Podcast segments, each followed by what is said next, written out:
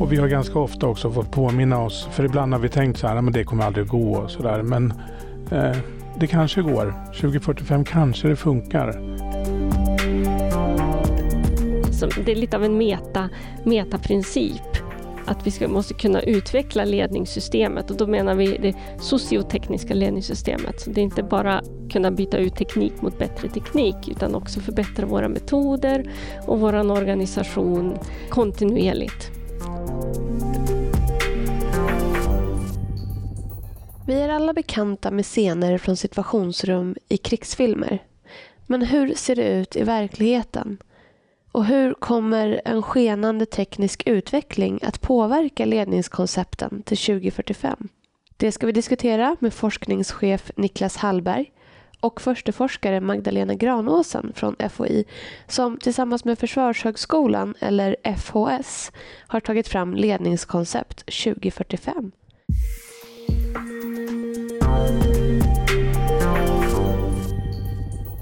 I inledningen här så nämnde jag scener från ett situationsrum som vi som jätteofta ser på film. Är de här filmscenerna nära eller långt ifrån verkligheten vad gäller hur det ser ut i sådana ledningssituationer? Ja, de stämmer nog ganska väl med verkligheten. Men de ser väldigt olika ut också och precis som de kan göra i verkligheten också.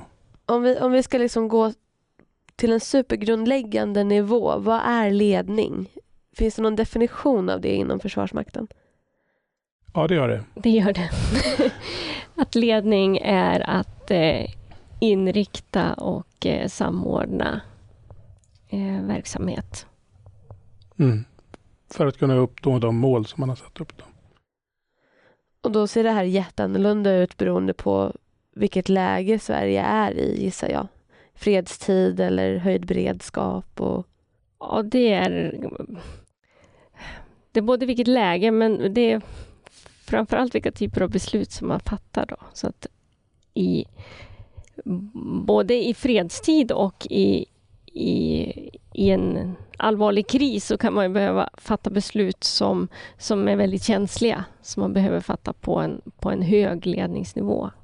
Men så finns det också beslut som man kan delegera ner och fatta på allra lägsta nivå. Så att vi måste kunna fatta beslut på hela, hela skalan. Och med det sagt då, så eftersträvar man ju att försöka göra den här ledningen så lik som möjligt så att vi ska leda på samma sätt så att det inte blir så att helt plötsligt en dag måste vi ändra helt och hållet hur vi leder.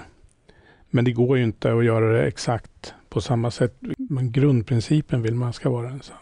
För många som lyssnar så kanske ordet ledningskoncept känns eh, påminner mycket om ledningsfilosofi eller ledarskapsfilosofier. Hur skulle ni vilja särskilja de här begreppen? Ja, det är ju inte helt enkelt, tror jag. Men, eh, eh, för jag har hört till exempel uppdragstaktik som är Försvarsmaktens ledningsfilosofi. Jag har ibland hört ehm, det uttryckt som att ja, men konceptet uppdragstaktik. Då. Men vi ser tänker jag konceptet som någonting lite mer konkret som man, som man kan använda lite mer direkt för att identifiera vilka krav man behöver ställa på, på ledningssystem och ledningspersonal och, och metoder. Så att det blir ett, ett mellansteg mellan filosofi och så sen så ännu mer eh, konkreta kravställningar. Så det handlar mer om förutsättningar runt ledarskapet för att möjliggöra en bra ledning. Om man ser ledning för instrumentellt så blir det inte bra. Alltså som man ser det som någon... Utan det, det finns ju en aspekt av eh, ska säga, personlighet i det. Beroende på vem som är ledar, ledaren så ser ledningen olika ut och behöver se olika ut. Det går inte liksom att särskilja ledning från ledarskapet helt och hållet. Nej, just det. Behöver man då komplettera med ledarskapsstudier till det här som vi har gjort nu? Ja, det blir ja. väl en viktig del. Att utveckla en, en god ledningsförmåga så kommer ju det att behövas också.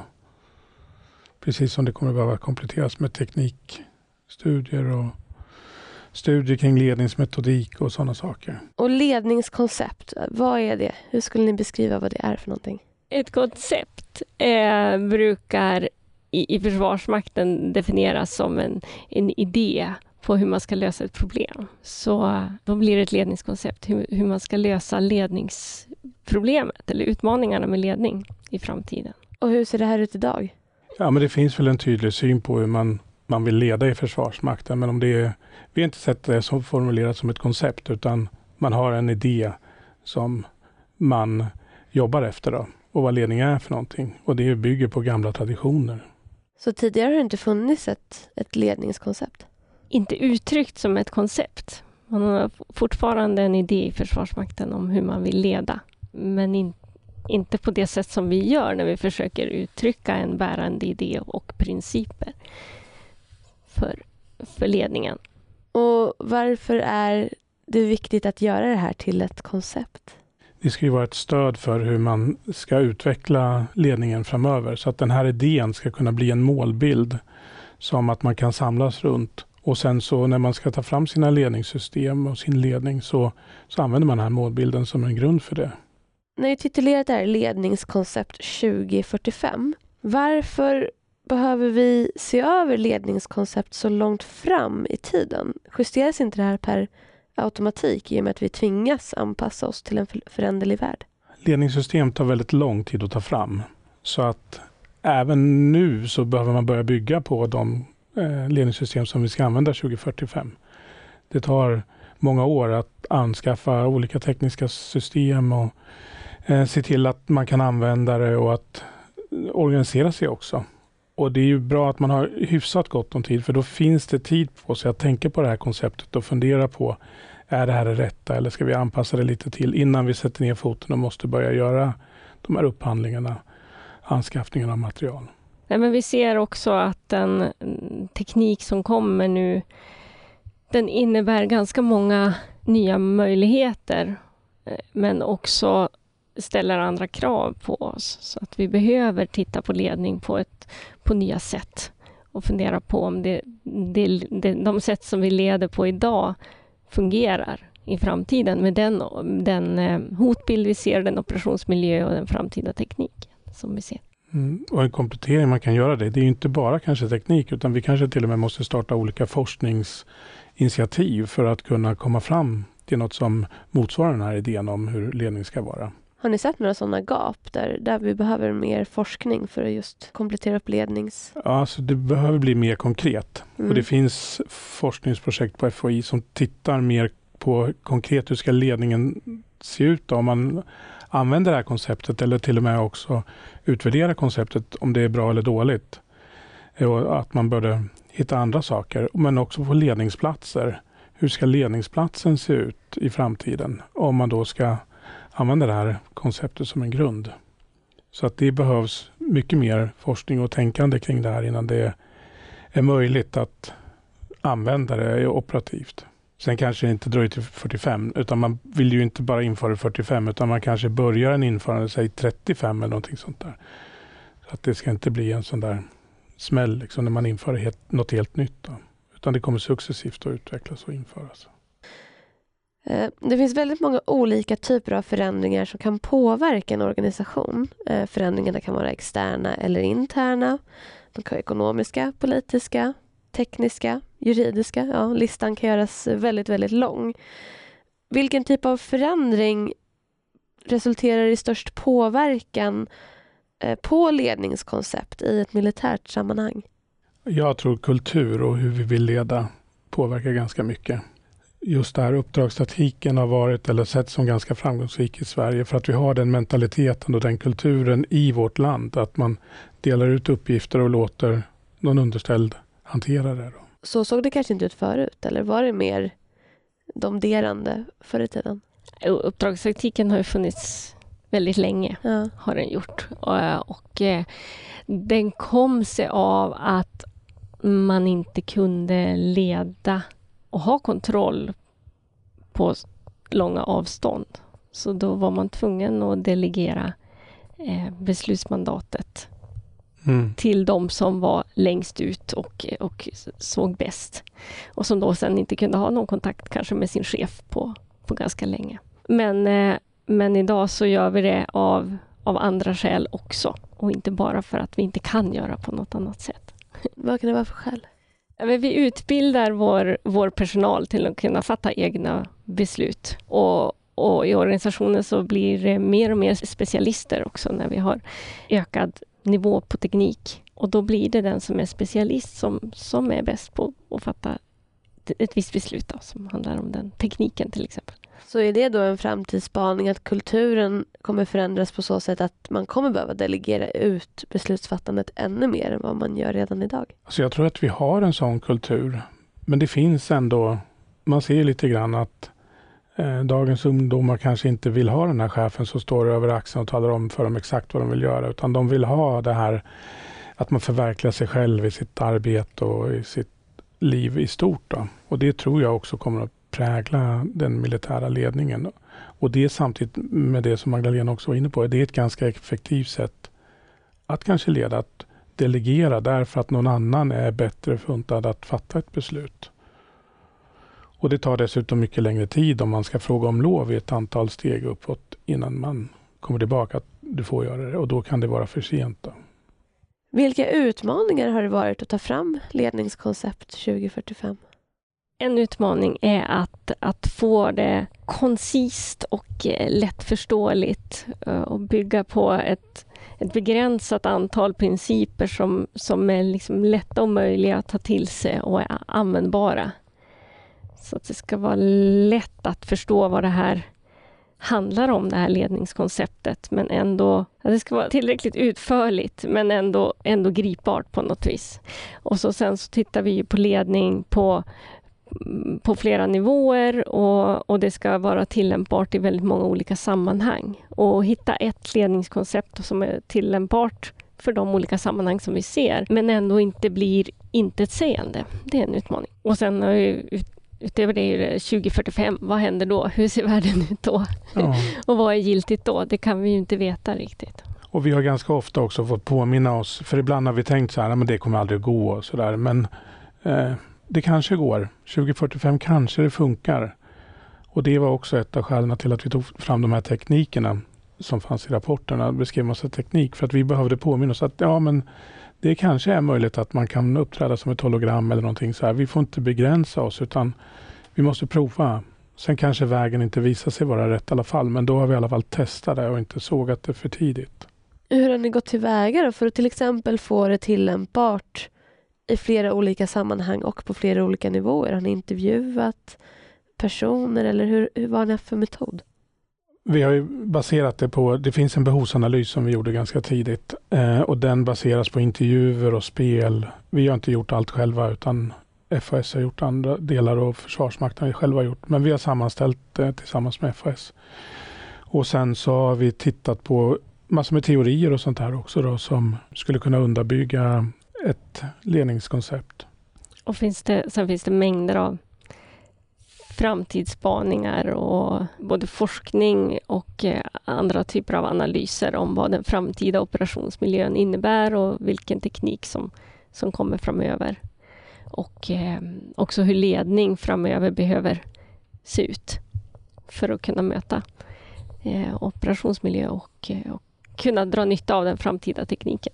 Och innan corona när vi hade delresultat, eller delar klara, då presenterade vi dem för Försvarsmakten och personer som kunde ha åsikter och försökte ta hänsyn, eller vi tog hänsyn till de synpunkterna som kom på det. Har pandemin på något sätt påverkat eh, resultatet? I form av att det har väckt nya tankar kanske? Eller? Eh, men jo, eh, distansarbete har ju inneburit att vi ser att det går att ha till exempel dela på en ledningsplats och med hjälp av teknik som blir bättre och bättre kunna genomföra möten eh, Eh, på distans.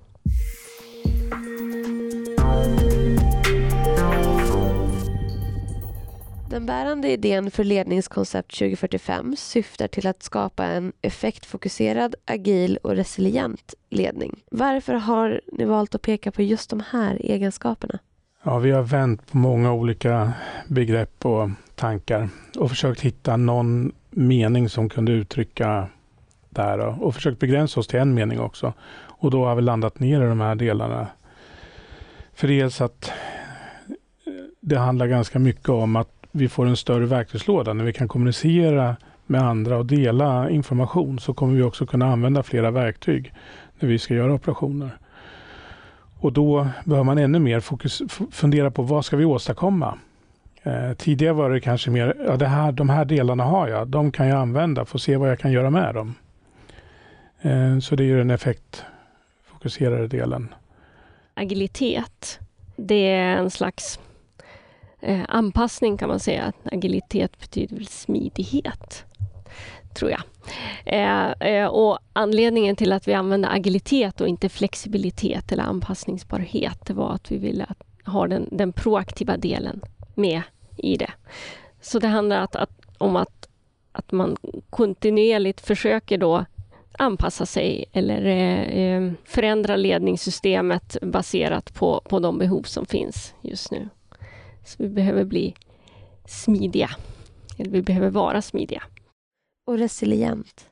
Resiliens. Eh, resiliens betyder motståndskraft. Och det handlar om att vi ska kunna hantera störningar som kommer. Eh, och då har vi bollat med, med begreppet resiliens och begreppet robusthet. Men vi landade i resiliens även om det är ett lite svårare begrepp. För när man pratar om robusthet så pratar man oftast att man ska vara stabil och man ska stå, stå stadigt och stå still. Men, men samtidigt slår man, slår man hål på någonting som är robust så, så går det sönder. Men med resiliens så så handlar det om att man ska kunna återta förmågan och då kan det se lite annorlunda ut än vad det, vad det gjorde innan. Hur, vilka typer av störningar kan störa ledningsförmåga? Ja, främst är det ju att de stör kommunikationen. För om man inte då kan förmedla de inriktningar som man har till de underställda, då, då måste man hitta andra sätt att kommunicera. Så vi kanske inte kan använda den här väldigt snabba kommunikationen där vi skickar videoströmmar och då kanske vi måste gå tillbaka till eh, någon annan typ av kommunikation som är mer tålig. Och ja, Kan vi inte kommunicera överhuvudtaget med våra elektroniska system så kanske vi måste skicka ordinanser. Och det är klart att då är vi inte alls lika effektiva.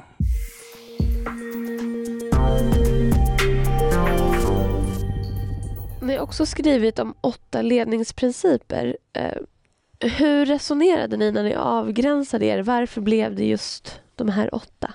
Vi har haft olika varianter av ledningsprinciper här. I olika versioner av, av ledningskonceptet och ett tag hade vi ganska många ledningsprinciper men vi såg att det blev lite eh, svårt att hantera dem eh, när det blev för många.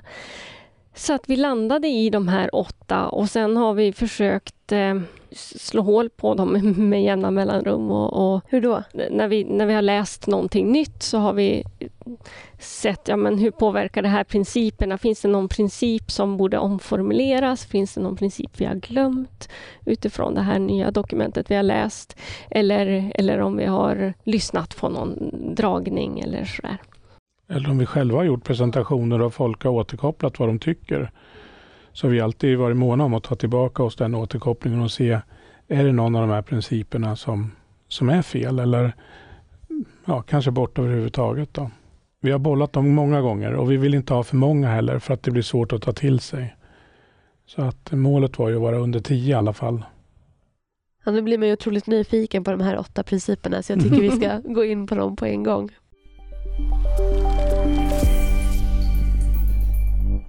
Den första principen, ledning över domän och stridskraftsgränser. Den är väldigt tydlig i Försvarsmaktens doktrin. Eh, Försvarsmaktens doktrin beskriver hur, hur det är idag.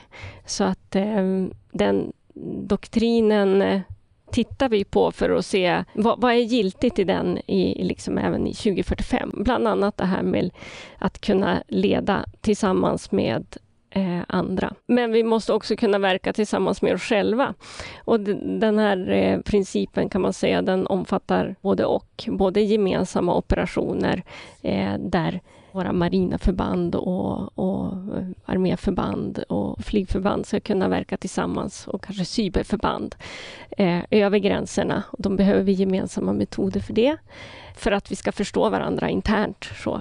Eh, men också när vi, när vi till exempel får Eh, Eh, kan få stöd från någon annan nation, då ska vi kunna verka tillsammans också. Det är över stridskraftsgränser och domäner, det är en liten annan eh, skärning. För det handlar mer om, om det som är på marken och eh, det är liksom i, i markdomänen oavsett om det är ett arméförband eller om det är ett flygförband som verkar på, mot marken. Och, så och luften och cyber och rymd och sjö domänen och då skulle man, ska man kunna verka, man ska, säger att stridskrafter ska kunna verka inom olika domäner. Och det där kräver eh, ganska mycket samordning. Så det, det, är inte så lätt att åstadkomma, men där tror vi också att, att teknik och förbättrade kommunikationssystem kan hjälpa oss att dela information mellan stridskrafter och, eh, och kunna verka över domängränser.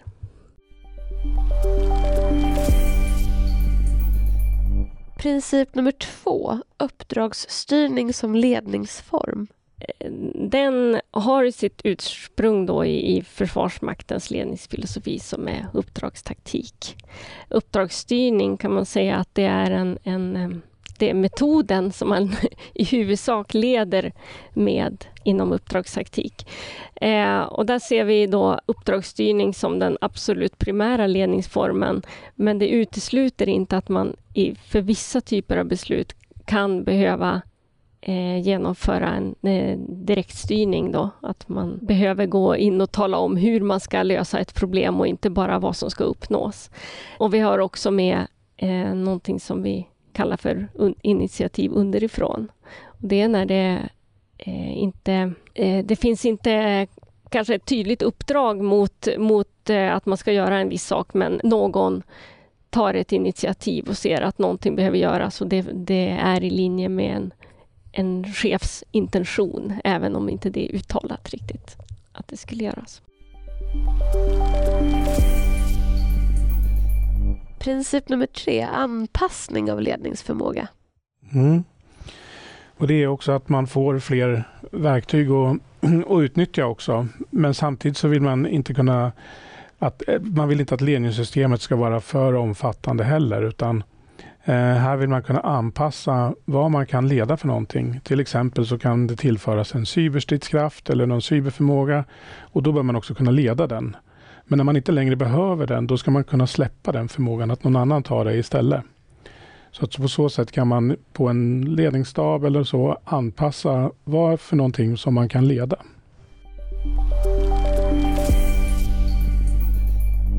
Princip nummer fyra, anpassning av ledningsorganisation. Eh, vi har sett eh, två eh, huvudsakliga organisationsformer som vi har utgått från.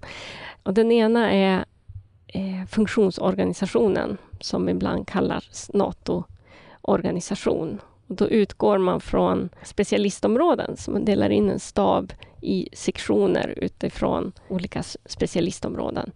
Till exempel logistiksektionen och sambandssektionen och underrättelsesektionen.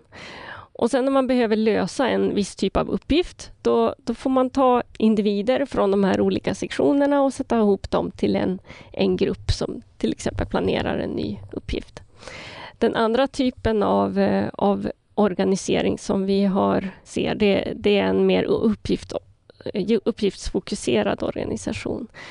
Och då, då skapar man de här tvärgrupperna från början. Så att det är grundorganisationen. Då, att man har individer med olika specialistkompetenser och som bildar ett lag. Och då blir det lite kortare uppstart när man sätter en planeringsuppgift ner i det här laget. Men då kan det istället ha, ha andra nackdelar. Till exempel om man behöver specialisera sig inom ett visst område och, och folk är utspridda i de här olika lagen. Princip nummer fem, anpassning av ledningsmobilitet. Mm, vi har ju sett det att i vissa fall så kan det vara bra att man kan röra på sig. Bland annat för att man inte ska bli eh, utslagen och bekämpad. Och då kan man behöva flytta sig så man hela tiden finns där motståndaren inte ja, de känner inte till och hinner inte med då, helt enkelt. Och I andra fall kan man behöva vara mer på en och samma plats för att bygga upp den här täta samarbetet, strukturen och kunna jobba tätt ihop kontinuerligt och hela tiden. För när man rör sig så har man, det blir, kommer att bli dippar när man, för ledningen. Då. Att det är inte lika lätt att leda när man rör på sig hela tiden. Utan, och det tar mycket energi och resurser också att stanna upp, bygga upp en ledningsplats och sen plocka ner den och sen flytta den igen. Då. Så att det är på samma sätt som det eh, med situationsanpassning. att man måste anpassa det här efter situationen. Då. Och Det kommer att vara olika för olika typer av ledningslag och ledning, ledningsfunktioner. Princip nummer sex, anpassning av ledningsplatsers geografiska spridning. Det känns som att den hänger ihop ganska mycket med föregående. Ja, eh, men de är ändå olika, men det finns ju beroende av dem mellan, mellan dem. Med spridningen menar vi då i en ledningsplats om den delar på sig och är på olika ställen. Till exempel som när man ja, i en annan situation genomför ett videomöte där personerna sitter på olika ställen. Någon jobbar hemifrån och så vidare. Och här ser vi stora möjligheter med, med teknik som, som redan finns idag och teknik som kommer. Att det blir lättare och lättare att arbeta distribuerat. Eh, och om man pratar i den militära miljön så blir det, kan det också underlätta eh, möjligheter att, att inte synas så tydligt när man inte behöver ha så många på en och samma plats. Men ju mer man sprider sig, desto mer behöver man kommunicera mellan. Så det är också en viktig aspekt och man syns även när man kommunicerar och man skickar signaler i luften. Jag tänkte på det, man blir väldigt sårbar om, om kopplingen då går ner om man är helt utspridd från, från gruppen så att säga. Och här kan ju teknikutvecklingen komma att påverka hur man kommer att se på den här principen framöver. Så man kanske kommer på något sätt att kommunicera som man absolut inte syns runt omkring. Till exempel om man kan använda lasrar eller någonting sånt där som inte strålar på samma sätt som den vanliga radiokommunikationen. Just det. Å andra sidan kanske man kan hitta sätt att dölja sig även om man står ihop så att ingen ser en ändå. Då. Så att, ja, teknikutvecklingen kommer att påverka helt säkert. Mm. Och också teknik som gör det lättare att, att få en känsla av att man är i samma rum. Alltifrån tidsfördröjningar till, som Niklas pratade om förut, hologram eller VR eller AR och sån, sån typ av teknik som är en bra bit framåt i, i, för den militära miljön men eh, eh, som vi ändå behöver börja, börja tänka och fundera på hur vi kan utnyttja. Vad är det som är viktigt med det här kan kännas som att slå in en öppen dörr nu i en pandemi när vi alla har fått sitta liksom åtskilda och man har ju känt att det har varit viktigt att få liksom känslan av att man är i samma rum. Men ur en ledningssynpunkt, varför kan det vara så viktigt att, att återskapa den känslan? Det är en känsla av närvaro. Och det är kanske att vi också känner när vi har nu i pandemin då, att det kanske har varit lite mer närvarokänsla när vi ser varandra på bild och vi pratar och man ser folk röra sig omkring, att man är verkligen där och än när man bara sitter och pratar i telefon. Men jag tror egentligen vi vet inte svaret på det riktigt utan vi får se här vad de här VR-studierna ger. Då. För att även om den här närvarokänslan och de positiva delarna är, de finns säkert där men det finns en del besvär också. Som vadå? Ja, kränga på sig en VR-hjälm och få datorn att funka. Och jag menar med Zoom-möten och allting sånt där. Hur mycket problem har det inte varit med att få med alla och folk pratar med någon annan fast de har glömt stänga av eller mjuta sin mikrofon och sådär. Det finns många saker som är lite jobbigt med det där också. Så att vi får se om fördelarna överväger nackdelarna tillräckligt mycket för att man ska ta till sig den här tekniken.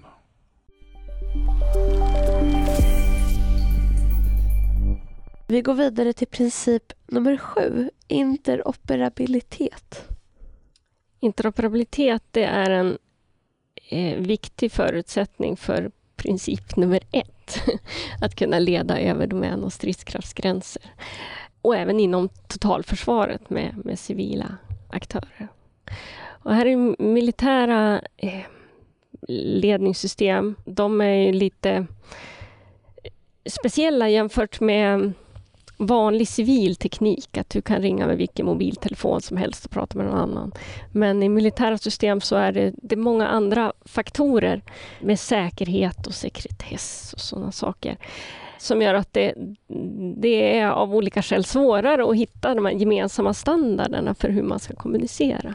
Men det är det som interoperabilitet handlar om. Och teknisk interoperabilitet är bara en, en del av det. Utan en, en annan viktig del det är att man, att man förstår vad man säger, förstår innebörden i, i varandras ord och begrepp.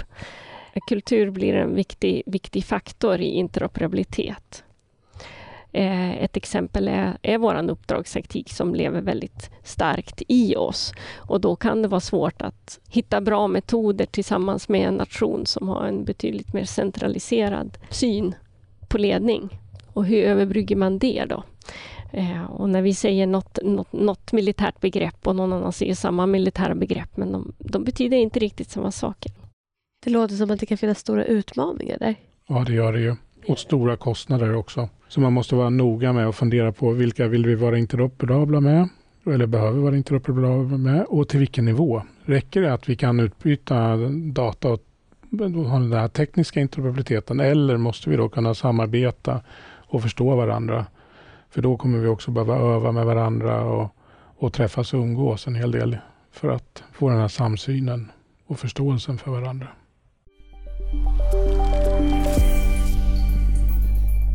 Och princip eh, nummer åtta, kontinuerlig utveckling. Den är ju en av de allra viktigaste. Om man nu skulle kunna gradera dem. Det tror jag inte man kan i och för sig. För att är, en, är, någon, är någon princip mindre viktig, då ska den bort. Då är den förmodligen inte relevant. Nej, men det är en av de senaste som vi också har, har lagt till. Som, det är lite av en meta, metaprincip att vi ska, måste kunna utveckla ledningssystemet och då menar vi det sociotekniska ledningssystemet. Så det är inte bara kunna byta ut teknik mot bättre teknik utan också förbättra våra metoder och vår organisation kontinuerligt och på ett, på ett väl avvägt sätt så att inte eh, organisationen eller systemet blir, blir instabilt bara för att vi genomför massa förändringar hela tiden. Men ändå så att vi hänger med och inte har ett obsolet eller förlegat ledningssystem. Mm. Det gäller ju att det där blir mer flytande. Man kan ta jämförelse med när man installerar operativsystem. Förut så bytte man version då och då och ingenting funkade när man installerade det nya och det tog jättelång tid innan det var okej okay igen. Men nu sker de här uppdateringarna kontinuerligt hela tiden och vi märker dem knappt. Och på samma sätt så vill man ju att ledningssystemet och ledningsförmågan ska utvecklas så att vi kontinuerligt blir bättre. Vi vill inte bara för att vi byter kommunikationssystem helt plötsligt inte kan leda under månader utan det måste funka hela tiden och vi måste vara bättre tack vare att tekniken kommer så fort nu då, att ta till oss den då och utnyttja den teknik som vi har, har nytta av.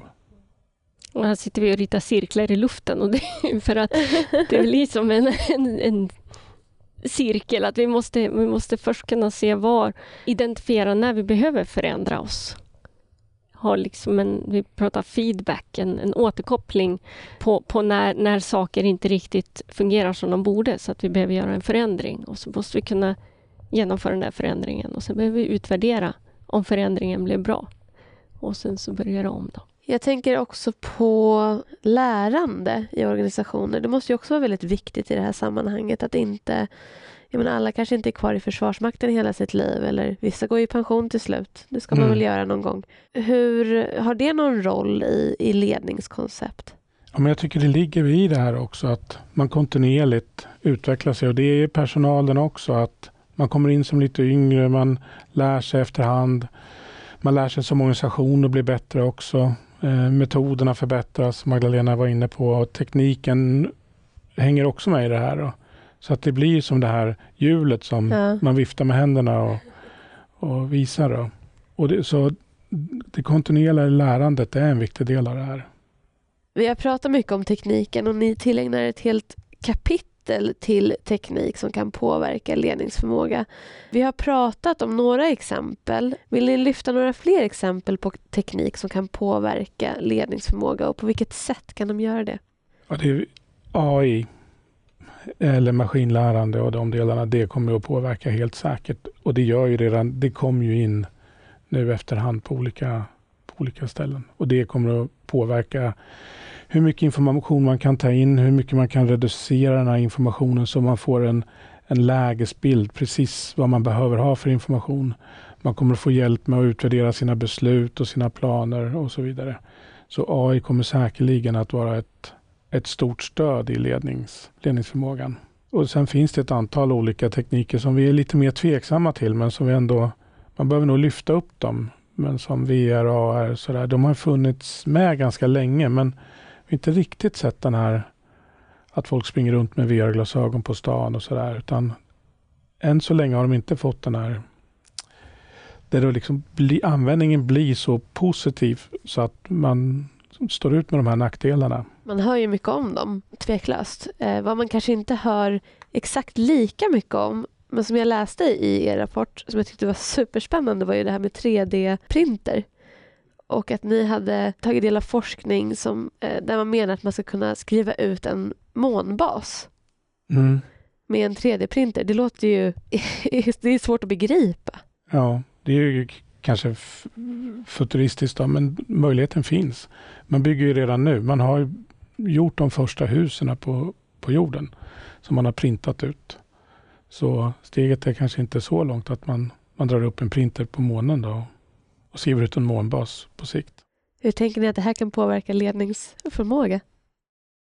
Ja, men en, en del som vi har är just det här med att Eh, man kanske kan röra sig och ändå vara lite mer skyddad än man gör med tältläger och så. Att man kan låta någon åka runt och printa upp mer skyddade utrymmen med cement och med stål och så.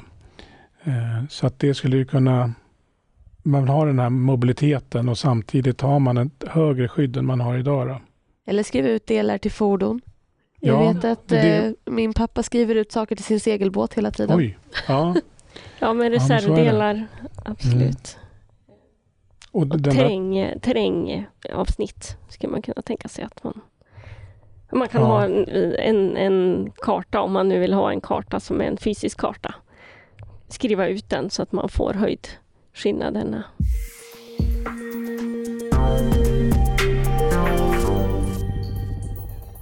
Hur behöver det här arbetet fortskrida nu? Vad är nästa steg? Eh, vi har tagit fram ett antal idéspelkort som är eh, olika typer av ledningssituationer Eh, som ett sätt att försöka konkretisera ledningskonceptet. Eh, för eh, som principerna säger, de handlar mycket om, om anpassning och sådär. Men, men för att kunna, kunna säga någonting mer om exakt hur det ska anpassas eller hur, hur åt vilket håll drar ledningsmobiliteten i en viss situation. Då har vi försökt utveckla de här eh, spelkorten för att ge en konkret bild. Men sen så behöver det här testas vidare. Ja, men i stor utsträckning är det ju det. Det är konkretisera och kommunicera och få återkoppling på delarna. Så att man ser om, om de är bra eller dåliga och om de ger ett stöd. Hur ser eh, om, om ni skulle liksom få sväva iväg till 2090, hur ser det här ut då? Ja, det är nog andra principer tror jag. Ja. Vi, får en del, vi har en del kommunikation med andra forskare inom det här och de, de tycker nog att man skulle bli ännu mer visionär. Att eh, ledningen skulle spridas ner långt ut i, i, i hierarkin och att var och en nästan skulle leda och så där, om det är möjligt. För det gör ju också att man blir ju väldigt svår att störa ut en ledningsförmåga som finns överallt. Då. Så att det, det kommer nog se helt annorlunda ut 2090, det tror jag. Har ni några lästips? Ja, vårt ledningskoncept tycker vi att mm. man ska läsa förstås. Och sen finns det ju mängder av trendspaningar både på den framtida eh, operationsmiljön och hotbild och sådana saker. Och, och så framtida teknik inom civila och militära applikationer. Så vill man läsa om, om AI och vad AI kan betyda i framtiden så finns det hur mycket som helst. Så det är svårt att ge, ge ett specifikt lästips. Men du pratar om det här Mosaic Warfare som du... Ja, den, den är en läsarvärd rapport. Nu kommer jag inte ihåg vem det var som, som har skrivit den, men det är en, en amerikansk rapport. Mosaic Warfare. Som handlar om hur man kan leda på lite annat sätt genom mer eh, flexibla att man sätter ihop komponenter lite mer flexibelt än vad vi, vi har gjort idag. Niklas, vill du komplettera med något lästips? Nej, alltså, mycket av vårt arbete har ju eh, byggt på Bernt Bremers insatsledning. Det finns ju mycket arv därifrån till den svenska synen på ledning. Så den, den är ju, vill man förstå bakgrunden så ska man nog titta där. Men precis som Magdalena säger, det finns otroligt många sådana här framtidsstudier och sånt. Och vi har ju väl hittat några av den här Future Command Post som var en NATO-rapport som kom för några år sedan. Som, ja, många av dem ligger väl i linje med, det finns en, en tendens i de här rapporterna och det ligger nog i linje med vårt ledningskoncept. att eh, Det är inget som sticker iväg sådär jättemycket. Då. Eh, och vi har tittat på det här Mosaic Warfare som pratade om alldeles nyss. Då. Och vi har ju också haft de tankarna innan vi läste den rapporten. Då. Men sen var det ju kul att se att någon annan hade gjort. Vi kommer som vanligt länka till alla lästips på www.foi.se rapporterat. Stort tack för att ni ville besöka vår podcast.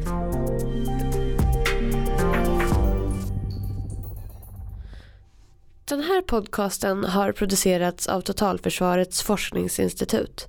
Jag som pratar heter Madeleine Filander och i poddredaktionen sitter även Albert Hager Bernats och Maria Hugosson Bygge.